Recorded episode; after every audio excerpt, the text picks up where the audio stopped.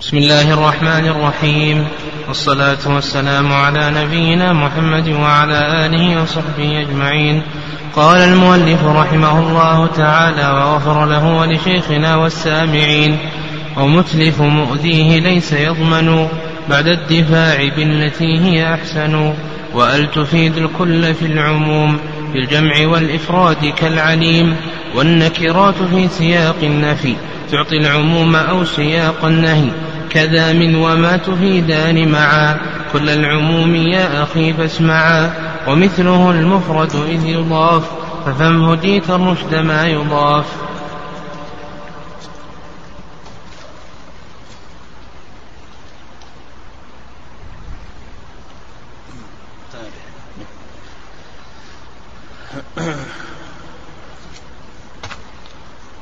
بسم الله والصلاة والسلام على رسول الله. بالنسبة للمتن أن وفرنا مجموعة من المتن لبعض الأخوان طلب هذا المتن. إن شاء الله نأتي به غدا لعل ما ننسى ولا إحنا وفرناه. قال المؤلف رحمه الله إيش وقفنا عليه؟ ومثله مؤذيه ومتلفه. طيب بسم الله الرحمن الرحيم. الحمد لله رب العالمين والصلاة والسلام على نبينا محمد وعلى آله وصحبه أجمعين. قال المؤلف رحمه الله تعالى ومتلف مؤذيه ليس يضمن بعد الدفاع بالتي هي أحسن. متلف مؤذيه ليس يضمن.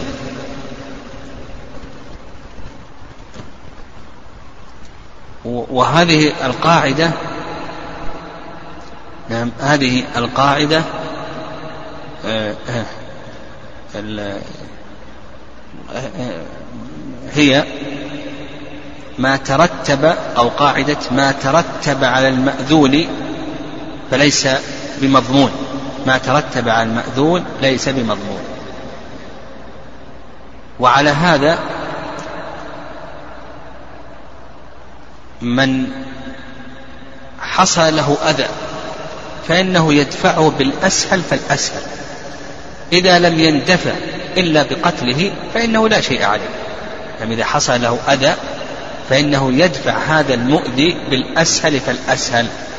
إذا لم يندفع إلا بقتله فإنه لا شيء عليه. ويدل ذلك ما ثبت في صحيح مسلم أن رجلا أتى النبي صلى الله عليه وسلم فقال يا رسول الله أرأيت إن جاء رجل يريد أخذ مالي. فقال صلى الله عليه وسلم لا تعطه قال أرأيت إن قاتلني؟ قال قتله قال أرأيت إن قتلته؟ قال هو في النار. قال أرأيت إن قتلني؟ قال فأنت شهيد. قال أرأيت إن قتلته؟ قال هو في النار. قال أرأيت إن قتلني؟ قال فأنت شهيد. فقال سلم فهو في النار. مع أنه قتله.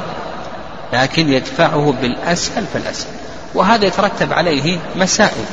يعني يترتب آه، إذا صال على شخص يريد نفسه أو يريد حرمته أو يريد دمه إلى آخره فإنه يدفعه بالأسهل فالأسهل ومن ذلك أيضا إذا صال عليه صيد من صيد الحرم أو صاد صال عليه صيد وهو محرم. فإنه يدفعه بالأسهل فالأسهل إذا لم يندفع إلا بقتله فإنه لا شيء عليه لا يلزمه فدية. كذلك أيضا لو خرج في عينه شعرة وهو محرم فإنه ينتزع هذه الشعرة المؤذية ولا يلزمه شيء. ما يكون فعل محظورا من محظورات الإحرام. وقال المؤلف رحمه الله بعد الدفاع بالتي هي أحسن يعني أنه يدفعه بالأسهل فالأسهل يعني إذا صال عليه شخص يريد دمه أو يريد حرمته أو يريد ماله يدافعه بالتهديد. إذا لم يندفع إلا بالضرب يضربه بقطع الطرف يقطع طرفه. إذا لم يندفع إلا بالقتل فإنه يقتل. لكن قال العلماء رحمهم الله إذا خشي أن يبدره بالقتل فله أن يبدره بالقتل. يعني أن تدافع بالأسهل فالأسهل إلا إذا خشيت يعني إذا ظن أنه سيبدره بالقتل كونك تعظ وتذكر بالله عز وجل وقد أدى ذلك أو قام بقتلك فله أن يبدره بالقتل. قال وأل تفيد الكل في العموم في الجمع والإفراد كالعليم. هنا شرع المؤلف رحمه الله في ذكر سياق أو ذكر بعض صيغ العام. وهذه هذه المسألة يحتاج إليها الفقهاء والمفتون والقضاة إلى آخره. ولهذا يذكرونها يذكرها بعض العلماء رحمهم الله فيما يتعلق بالقواعد الفقهية. العام في اللغة الشامل وأما في الاصطلاح فهو اللفظ المستقرب لجميع أفراده بلا حصر. اللفظ المستقرض لجميع أفراده بلا حصر. هذا العام له صيغ. الصيغة الأولى ال قال المؤلف رحمه الله وأل تفيد الكل في العموم في الجمع والإفراد كالعليم ال من صيغ العموم سواء كان ذلك في الجمع أو في الإفراد. إن المسلمين والمسلمات هذا في الجمع يفيد كل كل المسلمين كل المسلمات. والإفراد والعصر إن الإنسان كل إنسان. قال المؤلف كالعليم. يعني هذا يفيد العموم. فالله سبحانه وتعالى عالم بكل شيء ما كان وما لم يكن وما سيكون إلى آخره. قال والنكرات في سياق النفي. هذه هي الصيغة الثانية. النكرة في سياق النفي. نقول بأنها تفيد العموم. وأن المسائل نعم النكرة يعني في سياق يوم لا تملك لا تملك نفس لنفس شيئا. شيئا نكرة في سياق النفي. أي نفس لا تملك لأي نفس شيئا يوم القيامة. أي شيء. يعني يوم القيامة. يوم لا تملك نفس لنفس شيئا نفس نكرة. لنفس نكرة. شيئا نكرة. ثلاث نكرات في سياق النفي أي نفس سواء كان والدا أو ولدا زوجا أو أخا. لأي نفس. أي شيء. كل نفس بما كسبت رهينة.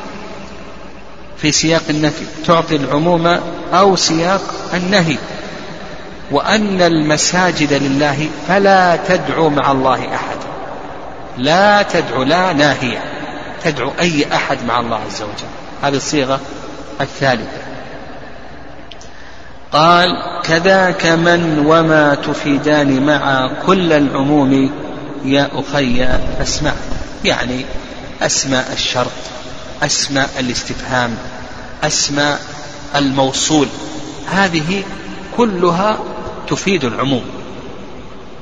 هذه الأسماء المبهمة أسماء الشرط وأسماء الاستفهام وأسماء الموصول هذه كلها تفيد العموم. من يعمل سوءا يجزى. من كل من عمل سوءا فإنه يجزى به. ما عندكم ينفد. نعم ما عندكم ينفد. نعم. والذين يرمون أزواجهم إلى آخره. فهذه نقول بأنها كلها تفيد العموم. مثل أيضا النكرات في سياق الشرط من يعمل سوءا أي أي سوء يعمل هذا السوء فإنه سيجازى به سواء كان قليلا أو كثيرا. قال ومثله المفرد إذ يضاف فافهم هديت الرشد ما يضاف. المفرد المضاف. نعم المفرد المضاف يفيد العموم. أيضا هذا من صيغ العام وإن تعدوا نعمة الله نعمة مضاف ولفظ الجلالة مضاف إليه. لا تحصوها هذا كل نعم الله عز وجل. ومثال ذلك لو قال بيتي وقف. لو قال بيتي وقف إنسان كتب وصية قال بيتي وقف. وش نقول؟ نقول جميع البيوت تكون وقفا لأن هذا مفرد مضاف. قال زوجتي طالقة. تطلق عليه كل زوجاته يعني تطلق لأن هذا مفرد مضاف. إلا يعني إلا إذا خصص بقلبه لأن في اللغة العربية يأتي العام ويراد به الخاص. نعم أو بلسانه إلى آخره. ومثله أيضا المضاف إلى الجمع. أيضا يفيد العموم. يوصيكم الله في أولادكم. أولادكم. هذا جمع مضاف. جمع مضاف. مفرد المضاف يفيد العموم. أيضا الجمع المضاف يفيد العموم. يشمل كل لولا قال المؤلف رحمه الله ولا يتم الحكم حتى تجتمع كل الشروط والموانع ترتفع. هذه ليست قاعدة فقهية فحسب. هذه القاعدة في كل الشريعة. يعني هذه القاعدة نقول بأنها قاعدة في كل الشريعة. كل الأحكام العملية لا تتم لا يترتب عليها آثارها.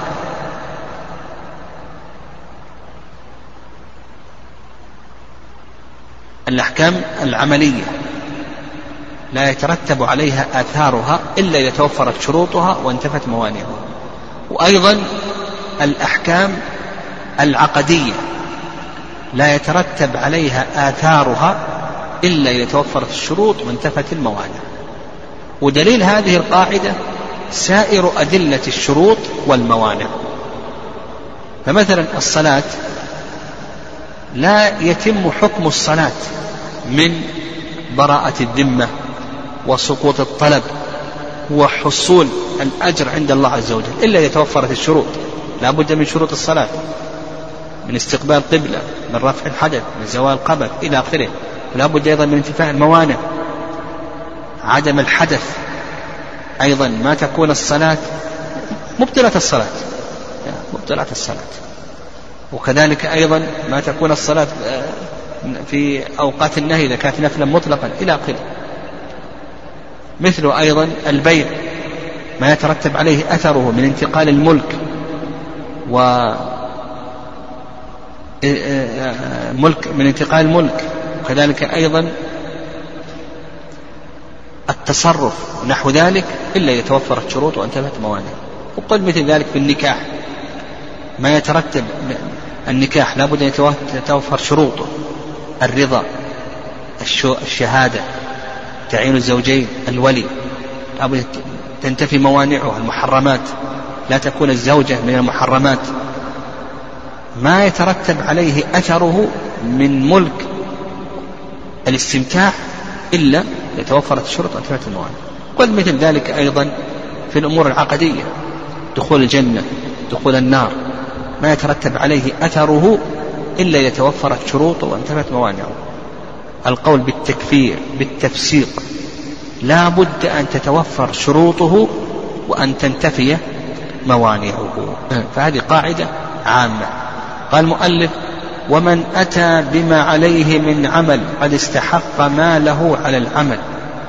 من أتى بما عليه من عمل نعم قد استحق ما له من العمل. هذه قاعدة.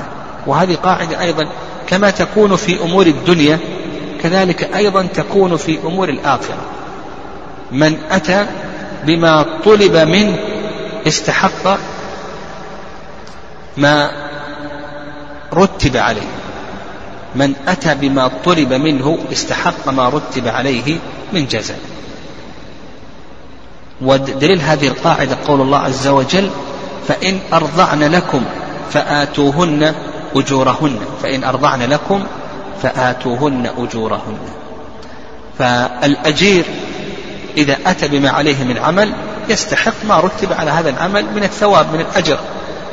وأيضا في أمور الآخرة المسلم إذا صلى حسن الظن بالله عز وجل أنك تظن بالله خيرا وأن الله يقبل منك. أنت صليت الآن المغرب حسن الظن بالله عز وجل أن الله يقبل منك وأن الله يثيبك. استحق ما عليه من العمل. وليس من حسن الظن بالله عز وجل. أنك تظن أن الله ما يقبل منك ولا يثيب منك. لا. هذا من سوء الظن بالله عز وجل.